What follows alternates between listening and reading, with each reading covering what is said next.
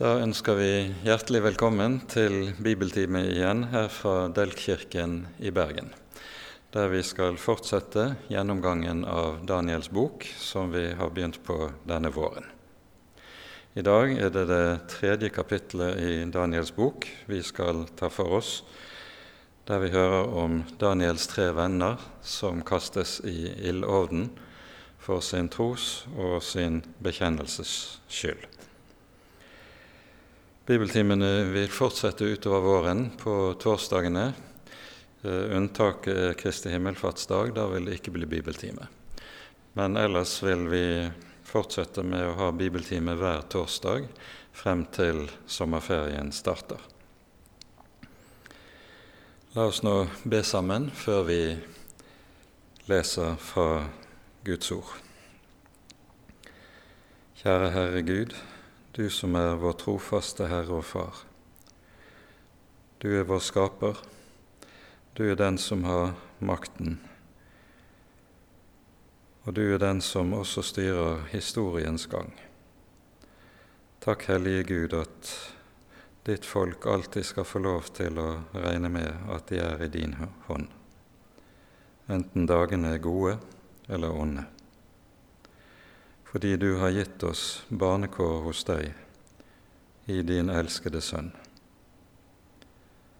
Takk, Herre Jesus, at du er vår frelser, og at du har betalt hele prisen for vår frelse, at vi skal få ha en åpen dør inn til Faderen ved deg. Nå ber vi, gode Herre, at du vil være hos oss denne timen vi skal ha, i ditt ord at du vil sende din Hellige Ånd og skrive dine ord inn i våre hjerter. Det ber vi, Herre, i ditt eget navn, og takker og lover deg, fordi du er god, og din miskunnhet varer til evig tid. Amen.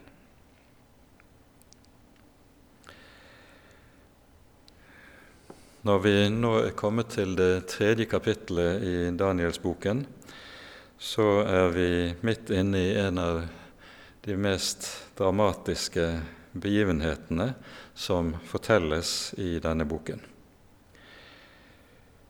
Vi hører om gudebildet som kong Nebukadnesar setter opp, og krever at alt folket skal falle ned og tilbe dette. Vi leser nå de åtte første versene i kapittel tre innledningsvis. Kong Nebukadnesar laget en billedstøtte av gull, 60 alen høy og 6 alen bred, og stilte den opp i Duradalen i landskapet Babel. Så sendte kong Nebukadnesar bud til satrapene, stattholderne, landshøvdingene, rådgiverne, skattmesterne, de lovkyndige, dommerne og alle provinsenes styresmenn og innkalte dem til innvielse av billedstøtten som kongen hadde reist.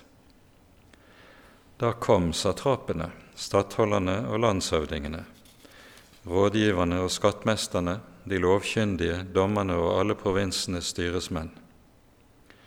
De samlet seg til innvielsen av den billedstøtten kong Nebukadneser hadde reist og trådte fram for den billedstøtten han hadde stilt opp. Og herolden ropte med høy røst:" La nå denne befalingen være kunngjort for dere, folk og stammer og tungemål. Så snart dere hører lyden av horn, fløyte, sitter, harpe, lutt, sekkepipe og alle slags andre musikkinstrumenter, skal dere falle ned og tilbe gullbildet som kongen Nebukadneser har stilt opp. Den som ikke faller ned og tilber, skal i samme stund kastes midt inn i den brennende ildovnen.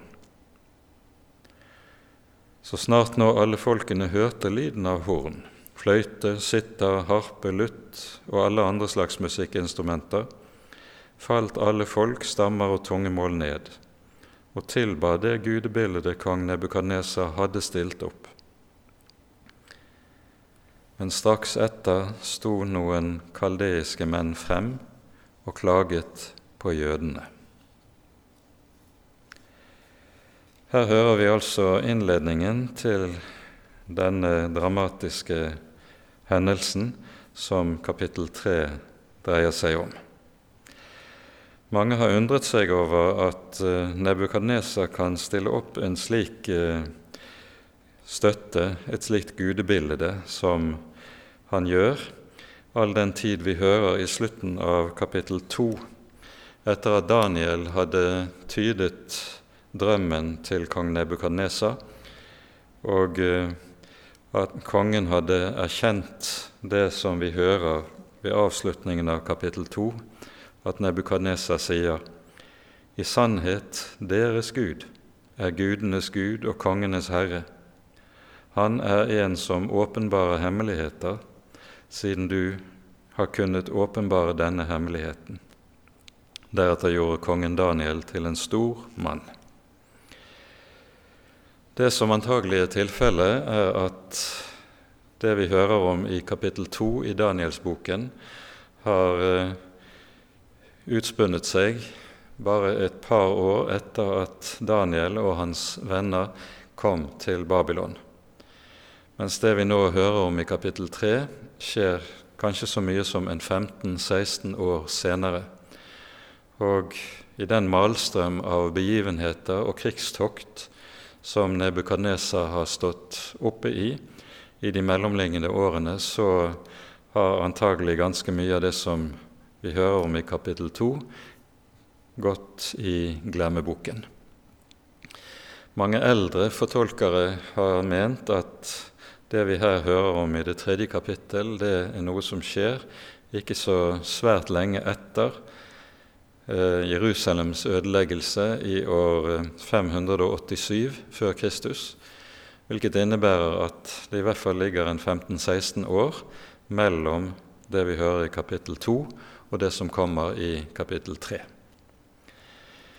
Boken selv gir ingen eh, klarhet i eh, spørsmålet, men det er ikke urimelig å anta at det er dette som er tilfellet.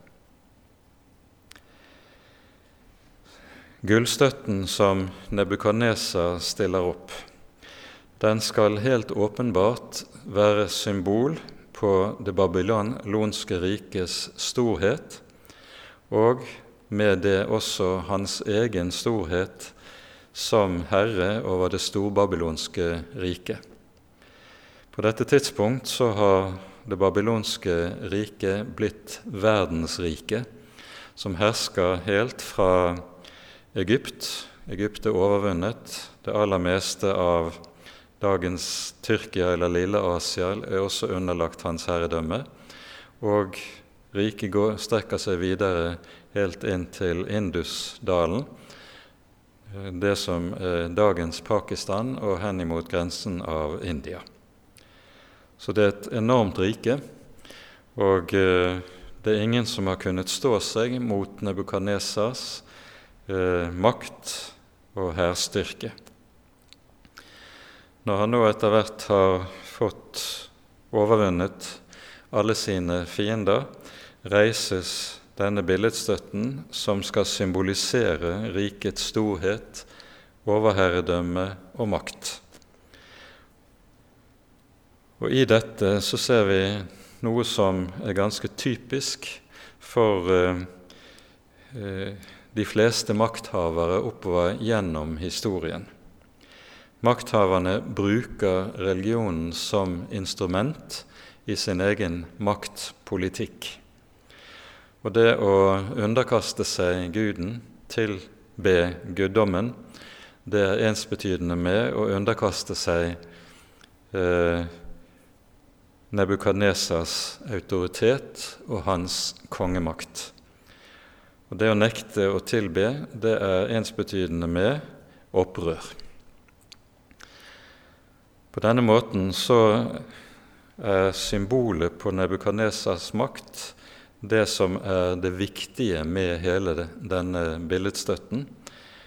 Og når Daniels tre venner altså ikke vil falle ned og tilbe, så ligger det i dette, slik makten nødvendigvis må oppfatte det, en undergravelse av eh, kongens autoritet og allmakt. Det at makthaverne stadig og gjennom historien har hatt interesse av å bruke religion som instrument i sin egen maktpolitikk, det ser vi oppvei gjennom hele historien. Og vi har flere tydelige eksempler på det samme også i Den hellige skrift. Et av de beste eksemplene er vel det vi finner i første kongeboks tolvte kapittel, der vi hører om hvorledes Salomos rike deles etter hans død. Det deles i de to rikene Nordriket og Sydriket. Nordriket kalles Israel, og Sydriket Juda. Og i Nordriket er det en meget eh, dyktig mann, Jeroboam, som får kongemakten. Det som er hans problem, det er nettopp religionen.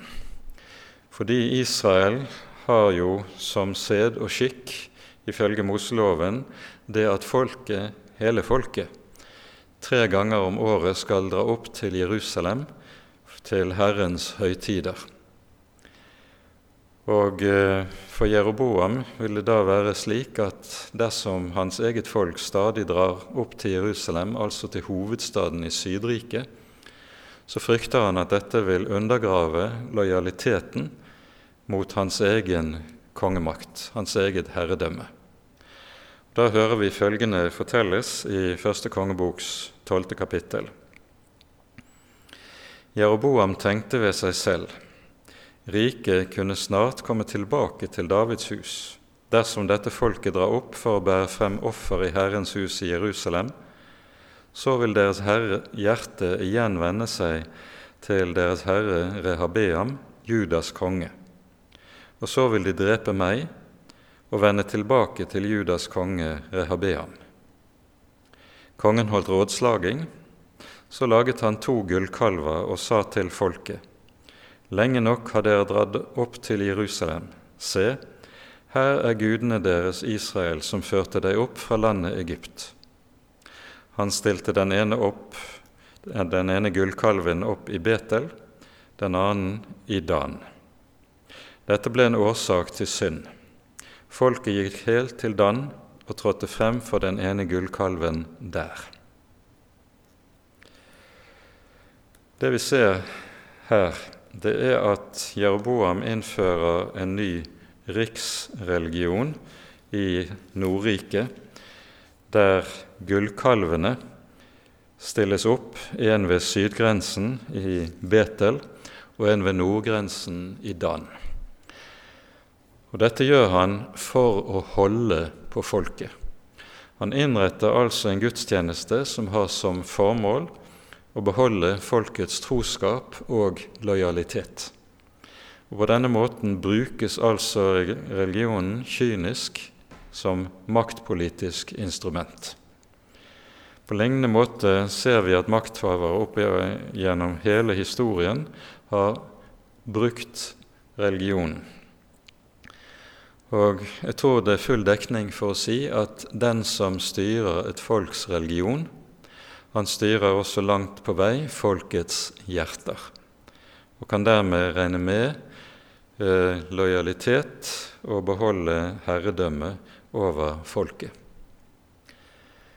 Det er dette som eh, altså ligger til grunn for det vi hører om gullstøtten som Nebukadneser har stilt opp. Det er ingen liten støtte. 60 alens høyde, det tilsvarer 30 meters høyde. Og den typen kjempemessige gudebilder hører vi om lignende eh, bilder til, også i den antikke verden. Det var et kjempemessig bilde av Atene, som var reist i, i eh, Parthenon i Aten. Og på lignende måte fant en, en kjempemessig bilde i Efesos av uh, gudinnen Artemis, og Det er dette som fortelles om i apostelgjerningene 19. og 20. kapittel, der det blir et veldig oppstyr av at det er så mange i Efesos som har kommet til tro på den Herre Jesus, at de som lever av Artemis-dyrkelsen, føler sin eh, næring truet. Dette kjempemessige gudebildet er det altså som så er stilt opp, og i og med at Nebukadnesar kaller sammen alle autoritets- og myndighetspersoner fra hele sitt rike, så forstår vi at dette er en riksakt som sammen med at den markerer rikets og Nebukadnesas storhet, skal det også markere enheten i riket, der alle dyrker den samme Gud, bøyer seg for den samme Gud. Og nettopp som enhetsinstrument har religionen også vært politisk brukt gjennom århundrene. Nå er det altså slik at det er tre som ikke bøyer seg i tilbedelse. Og vi leser videre fra Daniel 3, vi leser fra vers 8 og utover. Straks etter sto noen kaldeiske menn frem og klaget på jødene. De tok til orde og sa til kong Nebukadneser.: Kongen leve evig. Konge, du har gitt befaling om at hvert menneske som hørte lyden av horn, fløyte, sitter, harpe, lutt, sekkepipe og alle slags andre musikkinstrumenter, de skulle falle ned og tilbe gudebildet og at den som ikke falt ned og tilba, skulle kastes i den brennende ildovnen. Men nå er her noen jødiske menn som du har satt til å styre landskapet Babel, Shadrach, Meshach og Abednego. Disse menn har ikke aktet på ditt bud, Herre Konge. De dyrker ikke dine guder, og det gullbildet du har stilt opp, det tilber de ikke. Da ble Nebukadnesa oppbrakt og vred, og bød at Shadrach, Meshach og Abednego skulle bringes til ham. Så ble disse tre mennene ført fram for kongen. Nebukadnesa tok til orde og sa til dem, Er det med forsett, Shadrach, Meshach og Abednego, at dere ikke dyrker min Gud, og ikke tilber gullbildet jeg har stilt opp? Nå vel, dersom dere, når dere hører lyden av horn, fløyte, sitter, harpe, lutt, sekkepipe og alle andre slags musikkinstrumenter, er rede til å falle ned og tilbe det bildet jeg har gjort, så er alt godt og vel. Men hvis dere ikke tilber det, så skal dere i samme stund kastes i den brennende ildovnen. Og hvem er den Gud som kan frelse dere fra min hånd. Vi stanser der foreløpig. Det er Daniels tre venner som her er samlet. At Daniel ikke er med ved denne anledning, det har grunner som vi ikke vet. Kanskje har han vært på reise, kanskje har han vært Vi vet ikke. Det er disse tre som eh, ikke har villet bøye seg og tilbe Nebukadnesars gud og Nebukadnesars gudebilde. De angis umiddelbart. Det er tydelig mens alt folket kaster seg ned, så det er tre som blir stående og ikke kaster seg ned. Når eh, disse tre ikke vil tilbe, henger det jo uløselig sammen med deres tro på Israels Gud.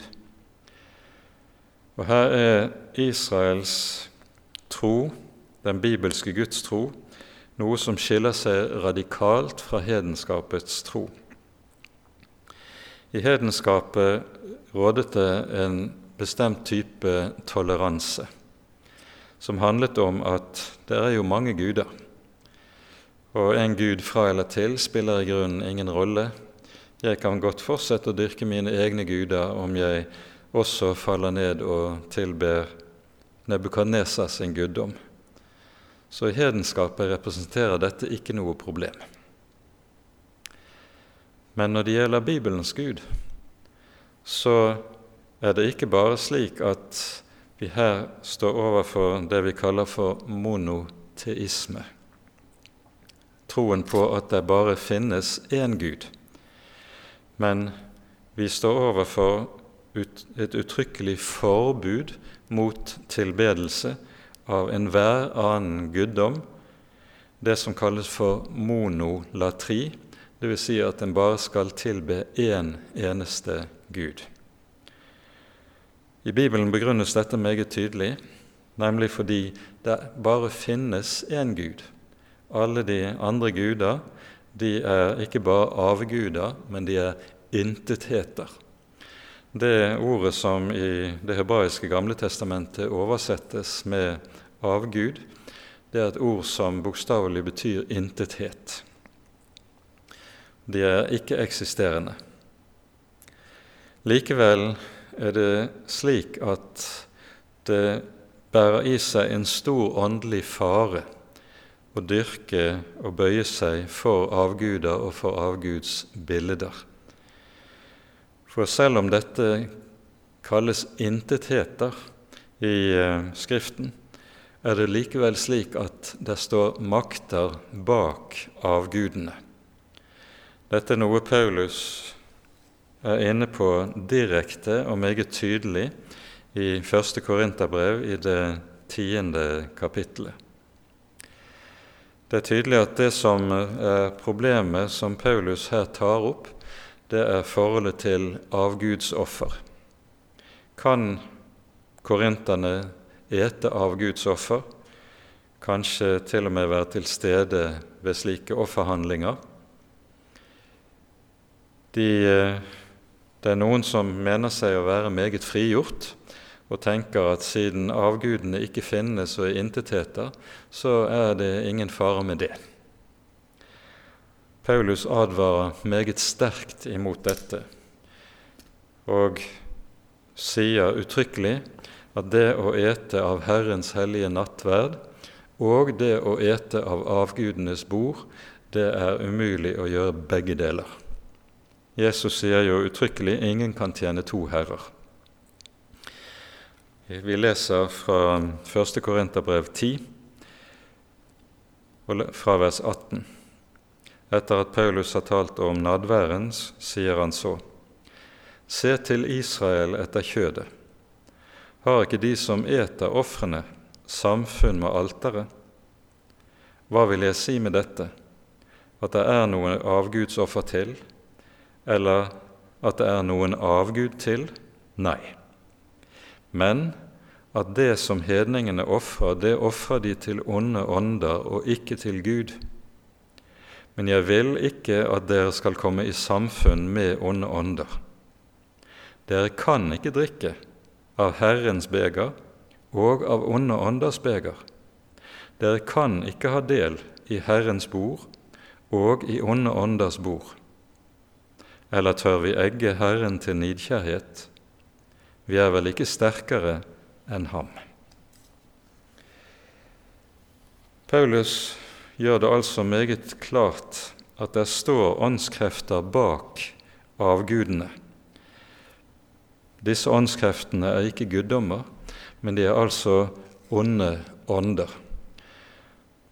Og Derfor er det forbundet med stor åndelig fare å bevege seg inn i avgudsdyrkelsen og her går på akkord med sin tro. Sadrak, Mesak og Abednego de har lært Israels Gud å kjenne. Og I kapittel 1, når vi hører om hvorledes de ber om å få lov til å overholde de jødiske spiseforskriftene midt i det babylonske eh, hoffet og får tillatelse til det, så hører vi at de nettopp er blitt befridd og blitt reddet fra akkordens ånd. Og nettopp her kan de ikke gå på akkord. De kan ikke tenke som hedningene. Er En gud fra eller til spiller ingen rolle. For til Israels Gud hører dette at han alene skal tilbes. I tillegg må vi føye til at hos profeten Jesaja drives det en ganske drastisk spott med avgudsdyrkelsen. I kapittel 44 f.eks. hos Jesaja hører vi profeten skildre hva som hva håndverksmesterne gjør når de lager avgudsbildet. De hogger et tre, de deler det opp i stykker. Det ene stykket lager de et avgudsbilde av. De kler det med gull eller sølv eller annet metall og faller ned for bildet og tilber det og sier 'Du er min Gud'. Det andre trestykket kaster de i ovnen og varmer seg og skriver 'Jeg er varm'. Og så spotter profeten dette, denne formen for gudsdyrkelse, der man tilber det som bare er aske. I kapittel 46 hører vi Jesaja direkte ta opp og tale om Babels og Babylons guder. Her hører vi kapittelet innledes slik. Bel synker sammen. Bel er en av de babylonske avgudene, og det er jo Bels navn som Daniel eh, sitt navn omdøpes til. Når han får nytt navn fra Nebukadneser, så kalles han Bel-Sasar, som altså betyr Bel er Herre. Og det er denne Bel Jesaja taler om her. Bel synker sammen, Nebo faller om. Deres bilder blir overgitt til dyr og til fe. De som dere bar, legges som byrde på de trette dyr. De faller om, de segner alle sammen. De kan ikke redde byrden, og selv går de bort i fangenskap. Hør på meg, dere av Jakobs hus og alle dere som er blitt igjen av Israels hus, dere som er lagt på meg fra fødselen av, som jeg har båret fra mors liv. Like til deres alderdom er jeg den samme, og til dere får grå hår vil jeg bære dere. Jeg har gjort det, og jeg vil fremdeles løfte dere. Jeg vil bære og redde dere. Her hører vi Jesaja stiller opp mot hverandre avgudene på den ene side, som er tunge å bære. De bæres i prosesjon gjennom byen, enten av mennesker eller dyr, men er så svære, så tunge, at mange segner under byrden under de, til disse gudene. Israels gud, derimot, er ikke en som skal bæres av mennesker. Han er tvert om det motsatte. Han er den som bærer sitt eget folk. Like fra deres ungdom og til deres alderdom vil jeg bære dere, sier Herren. Og Med dette peker profeten Jesaja på hvilken avgjørende forskjell det er mellom Israels Gud og avgudene. Dypest sett er dette noe som er forskjellen på all religion og all avgudsdyrkelse og det som er levende bibelsk tro. All religion og all avgudsdyrkelse har det med seg at det legger på ulike måter byrder på menneskene som knuger menneskene ned.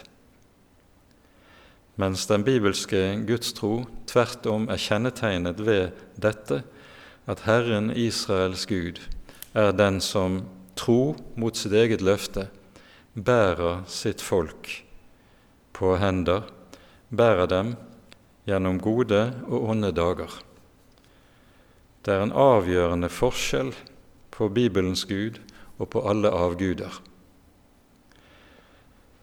Dette er det altså vi møter i, hos Jesaja, og eh, de tre unge menn i Babylon, de har helt sikkert både lest sin Jesaja og vært fortrolig både med hans og med Jeremias forkynnelse, som gjør at for dem er det ikke noe aktuelt alternativ å bøye kne for Nebukadnesas avgudsbilde.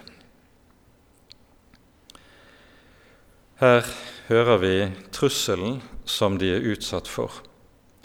Trusselen er å bli kastet i ildovnen. Rent arkeologisk så vet man at dette var en henrettelsesmetode som ble anvendt i Babylon. Så dette er noe som i høy grad er historisk korrekt og ikke legendarisk. Og Det de tre unge menn legger for dagen, er det som vi lærer fra Jesu munn i Matteusevangeliets tiende kapittel. Her hører vi at Jesus si, sier Frykt ikke for dem som dreper legemet, men ikke kan drepe sjelen. Frykt heller for ham som kan ødelegge både sjel og legeme i helvete. Her ligger det en meget sterk advarsel mot menneskefrykt. I eh, Ordspråksbokens 29. kapittel hører vi samme saken understrekes. Der sies det menneskefrykt fører i snare, men den som setter sin lit til Herren, han blir berget. Poenget her er nemlig at gudsfrykten den befrir fra menneskefrykt.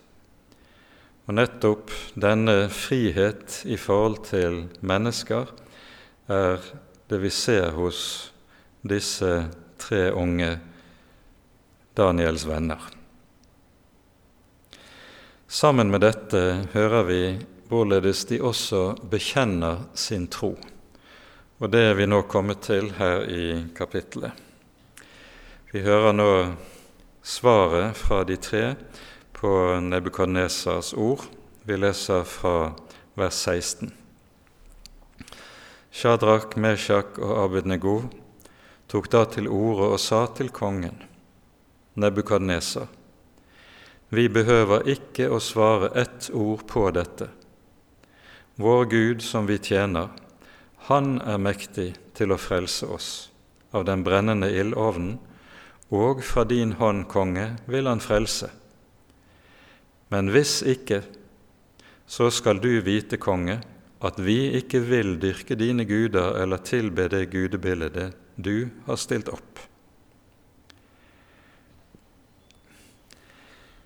Her hører vi litt av en bekjennelse fra disse tre sin munn. Og her skal det være klart at i vår bibel er bekjennelsesplikten en plikt som står uavkortet for alle Guds barn. I slike situasjoner der man avkreves regnskap for sin tro og for sin atferd som Guds barn, som hørende til Guds folk, da skal en bekjenne. Jesus sier jo dette uttrykkelig også i Matteusevangeliets 10. kapittel. Den som bekjenner meg for menneskene, han skal også jeg bekjenne for min Far i himmelen. Men den som fornekter meg for menneskene, ham skal også jeg fornekte for min Far i himmelen. Bekjennelsesplikten gjelder uavkortet, og den hører også uløselig sammen med det som er Israels trosbekjennelse, slik vi leser den i 5. Moseboks sjette kapittel. Hør, Israel, Herren vår Gud, Herren er én. Og du skal elske Herren din Gud av alt ditt hjerte, av all din sjel og av all din makt. Dette om, som vi hører i det siste verset, du skal elske Herren din Gud av all din sjel, av alt ditt hjerte og av all din makt, det utlegges av rabbinerne slik at det å elske Gud av all sin sjel, det betyr at en skal være villig til å lide martyrdøden for sin tro på Israels Gud og for sin bekjennelses skyld. Å elske Gud av all sitt hjerte, det betyr at hele personligheten Hjertet er jo personlighetens sentrum. Hele personligheten, og dermed hele livet, skal bære stempelet av at en hører Herren Israels Gud til. Og Det siste ordet, av all sin makt, det betyr med alt hva en eier, all sin eiendom. Det skal også være det som anvendes i kjærligheten til Herren. Slik ble dette utlagt av rabbinerne, og vi forstår også at det er denne tankegangen som ligger til grunn hos disse tre som her bekjenner så frimodig. Vår Gud, som vi tror på og setter vår lit til, han skal fri oss av din hånd, Herre Konge. Like forut for dette har Nebukadnesar sagt det motsatte. Hvem er den Gud som kan frelse dere fra min hånd? Lignende uttrykk eller maktspråk finner vi fra hedenske konger flere steder i vår bibel. Første gang hører vi det i 2. Moseboks 5. kapittel, når Moses og Aron trer frem for farao med ordene så sier Herren, la mitt folk fare. Og farao svarer, Hvem er Herren? Jeg kjenner ham ikke, og jeg vil slett ikke la Israel fare. Det samme hører vi fra den asyriske kong Sankerib når han beleirer Jerusalem. Dette leser vi om i Jesaja-boken 36. og 37. kapittel der hærføreren står utenfor Jerusalems murer når Jerusalem er beleiret, og roper opp til folket på muren. Har vel noen av folkenes guder kunnet redde fra min hånd? Og så viser de til hvorledes den asyriske kongen har erobret alle rikene som ligger i, omkring i Midtøsten. Og så kommer spørsmålet hvordan kan da dere tro, dere som er så små, så hjelpeløse. Hvordan kan dere tro at deres Gud skal kunne hjelpe dere? Og Bakom dette ligger jo hedenskapets tanke om at den som seirer på slagmarken, er den som har den sterkeste Gud. Det er altså samme tankegangen vi hører her fra Nebukadnesas munn. Og de, han får altså det tydelige svaret fra de tre. Vår Gud som vi tjener, han er mektig til å frelse oss av den brennende ildovnen og fra din hånd. Men hvis ikke, Herre Konge, så skal du vite. Det er altså slik at her sier disse tre skje din vilje. De kan ikke med sikkerhet si at Gud vil fri dem ut. Det må stå i Guds hånd, og Gud må handle etter sin vilje. Om Herren vil la dem lide martyrdøden, så er det deres ære. Og så bøyer de seg for det som Guds vilje. Om Herren vil fri dem ut, så vil Herren med det gi vitnesbyrd for sitt navn. Slik står de frimodig for Nebukadneser og avlegger sin bekjennelse. Og dette kan jo ikke forbli uten reaksjon. Vi leser videre fra vers 19. Da ble Nebukadneser full av harme, og uttrykket i hans ansikt forandret seg mot Shadrach, Mesak og Avednego. Han ga befaling om at ovnen skulle gjøres sju ganger hetere enn vanlig. og han bød at noen sterke menn i sin hær skulle binde Shadrach, Meshach og Abednego og kaste dem inn i den brennende ildovnen. Så ble de bundet i sine kapper, bukser, luer og andre klær, og kastet i den brennende ildovnen. Fordi kongens ord var så strengt og ovnen var blitt så sterkt opphetet, ble de menn som hadde ført Shadrach, Meshach og Abednego dit opp, drept av ildsluen. Men disse tre menn, Shadrach, Meshach og Abednego, ble kastet bundet midt inn i den brennende ildovnen. Da ble kong Nebukadnesar forferdet og reiste seg brått opp. Han tok til orde og sa til sine rådsherrer:" Kastet vi ikke de tre menn bundet ned i ilden? De svarte kongen, Jo visst, konge. Han tok da igjen til orde og sa, Men jeg ser fire menn som går løse omkring midt inne i ilden, og det er ingen skade å se på dem, og den fjerde ser ut som en gudesønn. Da gikk Nebukadneser bort til døren i den brennende ildovnen og ropte, Shadrak, Meshak, Abednego, dere tjenere for den høyeste Gud, kom ut. Da kom Shadrak, Meshak og Abednego ut av ilden. Satrapene, stattholderne, landshøvdingene og kongens rådsherrer samlet seg da. De så at ilden ikke hadde hatt noen makt over disse tre menns legemer. Håret på deres hoder var ikke svidd, klærne deres var ikke skadet, og det luktet ikke brent av dem. Slik blir de tre på underfullt vis berget.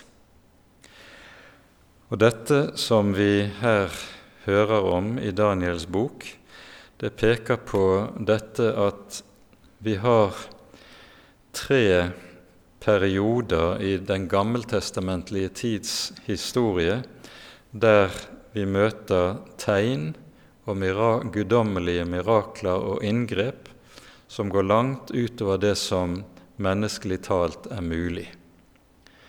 Disse tre periodene er for det første perioden i forbindelse med Israels utgang av Egypt, slik vi hører om det i, fra andre Mosebok av.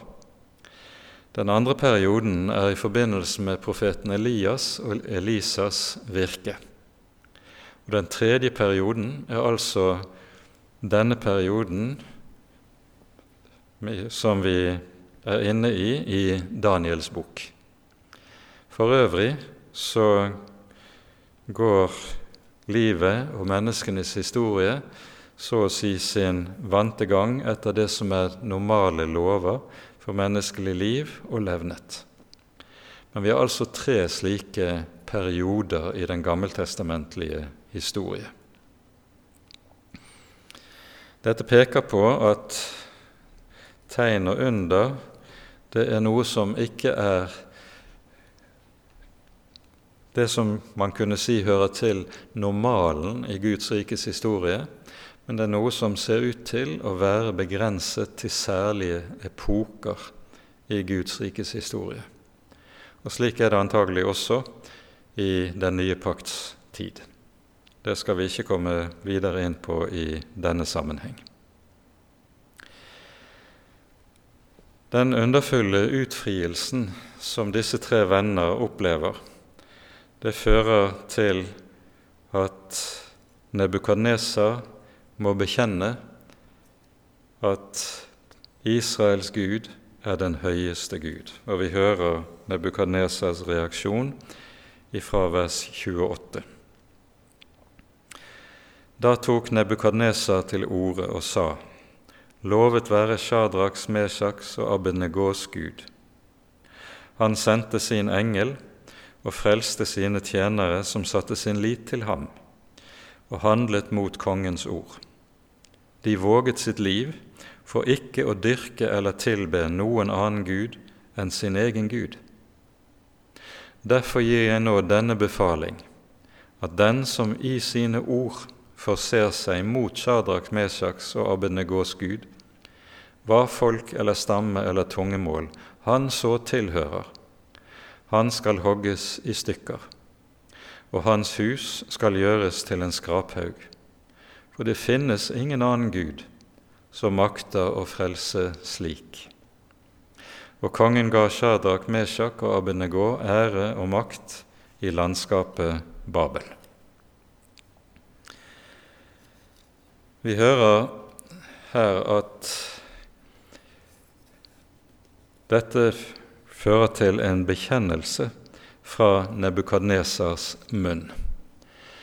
Men det er fra hans munn, ikke fra hans hjerte. Bekjennelsen fra Nebukadnesas hjerte den kommer ikke før det vi hører om i det neste kapittel, det fjerde kapittelet i Daniels bok. Likevel er det slik at Nebukadnesa her viser seg med et ganske annet sinn og et ganske annet hjertelag enn det farao opptrer med, slik som vi hører det i forbindelse med utgangen av Egypt. Faraos hjerte var og ble forherdet. Så ikke med Nebukadnesas hjerte. Han la seg påvirke av det guddommelige vitnesbyrd han blir stilt overfor. Denne fortellingen har imidlertid langt større betydning enn at det handler blott og bart om hvorledes tre troende unge menn blir reddet av sin Gud.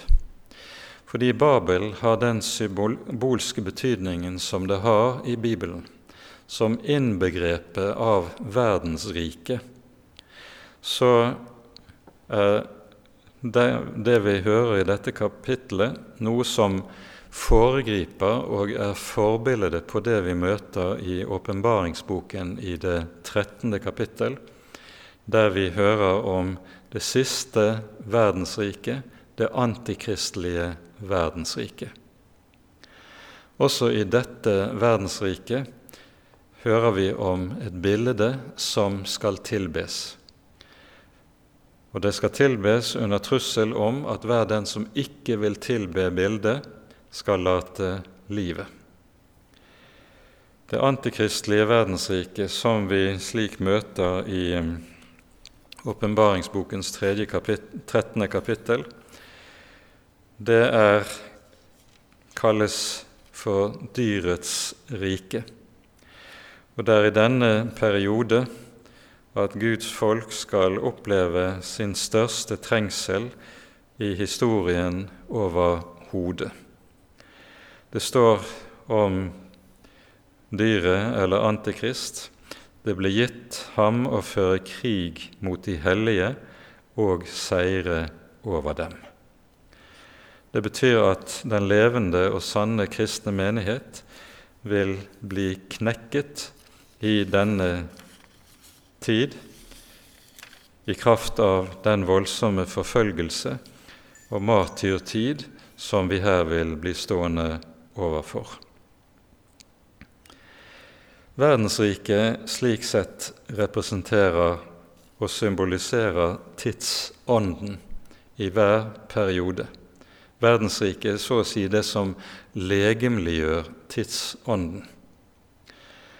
Og denne tidsånd er slik at bakom verdensriket står det alltid en annen makt som er den egentlige makten. Den kjente tyske teologen fra motstandskampen eh, i Tyskland under nazitiden, Dietrich Bonhoeffer, han eh, sier ved en anledning at når man taler med en makthaver, så taler man aldri med eh, makthaveren selv, men har alltid å gjøre med en makt som står bak ham. Det har som følge at fornuftsargumenter aldri vil ha noen virkning i den typen samtale.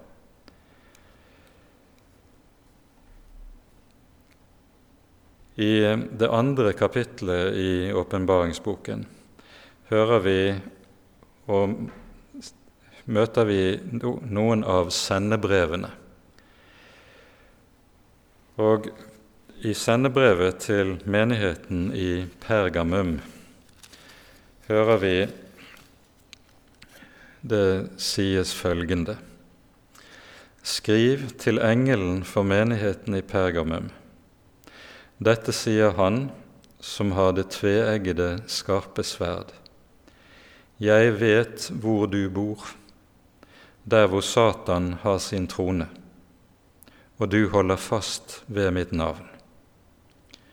Du fornektet ikke min tro, heller ikke i de dager da Antipas var mitt trofaste vitne, han som ble slått i hjel hos dere, der hvor Satan bor.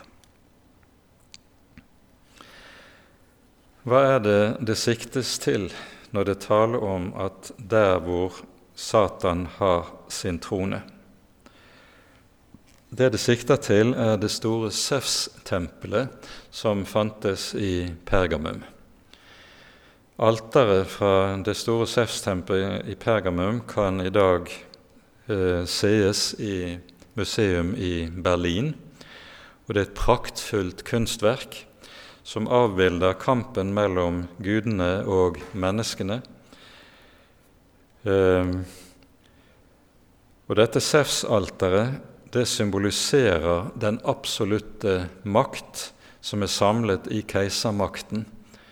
Og Derfor er poenget med der Satan har sin trone, det sikter til den sammensmeltning av dyrkelsen av den høyeste guddom og keiserdyrkelsen, som etter hvert tok skikkelse i det romerske riket. Så sier Jesus altså 'Jeg vet hvor du bor'. Dette er et trøsterikt ord til menigheten.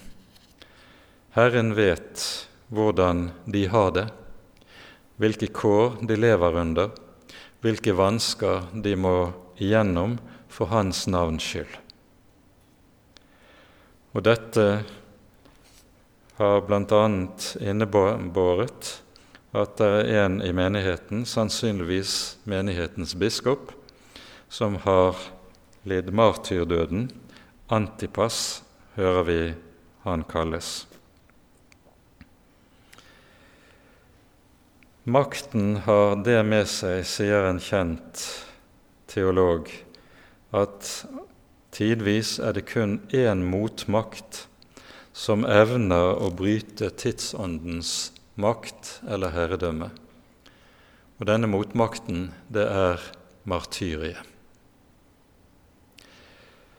Daniels tre venner var villige til martyriet for Kristi skyld. Og martyriet er det som har fulgt den kristne kirke gjennom hele historien. I våre dager er det tallrike land under himmelen der kristne må betale meget dyrt for sin tro. Ja, må late livet for sin tro. Og der eh, de, de som setter opp statistikk over disse ting, mener at det er titusener av kristne som årlig må bøte med livet for sin tro på Jesus sin skyld. Så vi opplever også en martyrtid i våre dager. Det går ikke på livet løs hos oss. Men vi må regne med at med tiden vil det å bekjenne Jesu navn og det å bekjenne Jesu ord komme til å koste mer og mer også hos oss. Dette fordi statsmakten også i de vestlige land i økende utstrekning holder på å bli en ideologisk statsmakt, en statsmakt som derfor også ønsker å styre menneskenes overbevisning, styre hva menneskene tror og mener i sine hjerter. Vi har to hovedavsnitt i Den hellige skrift som taler om forholdet og den kristnes forhold til statsmakten. Det ene avsnittet finner vi i Romerbrevets 13. kapittel, der det sies uttrykkelig at vi som kristne skal lyde landets lover. Denne lydighet har imidlertid en ganske klar begrensning. Der statsmakten påbyr noe som er i strid med Guds ord, har vi befaling om ikke å lyde. Når Paulus sier at enhver myndighet er av Gud, så betyr ikke det nødvendigvis at enhver myndighet er god. For når det er slik som vi hører i Daniels bønn i kapittel 2 i Danielsboken, Herren er den som avsetter konger og innsetter konger, og på denne måten styrer historien, så kan det at Gud avsetter og innsetter makter og myndigheter på historiens arena, det kan være to forskjellige slags Det kan være av to forskjellige slag. Han kan innsette myndigheter av sin nåde. Og da er myndighetene en velsignelse for folket. Men han kan også innsette myndigheter i sin vrede, som blir og fungerer som en dom over folket. I begge fall så skal Guds barn gjøre rett og rettferdighet og lyde lovene, så fremt de ikke påbyr noe som er i strid med Guds vilje. Romerbrevets 13. kapittel er altså det ene hovedsavsnitt i vår bibel som taler om forholdet til statsmakten. Det andre hovedavsnittet det er altså åpenbaringsbokens 13. kapittel. Og når Den norske kirke under krigen i motstandskampen mot den nazistiske statsmakten avla sin bekjennelse, som kalles for Kirkens grunn, og som ble lest opp i kir norske kirker påskedag i 1942, så siteres både Romerbrevets 13. kapittel og åpenbaringsbokens 13. kapittel. Og i forbindelse med åpenbaringsbokens 13. kapittel sies det uttrykkelig at der staten bryter med retten, blir den en demonisk makt.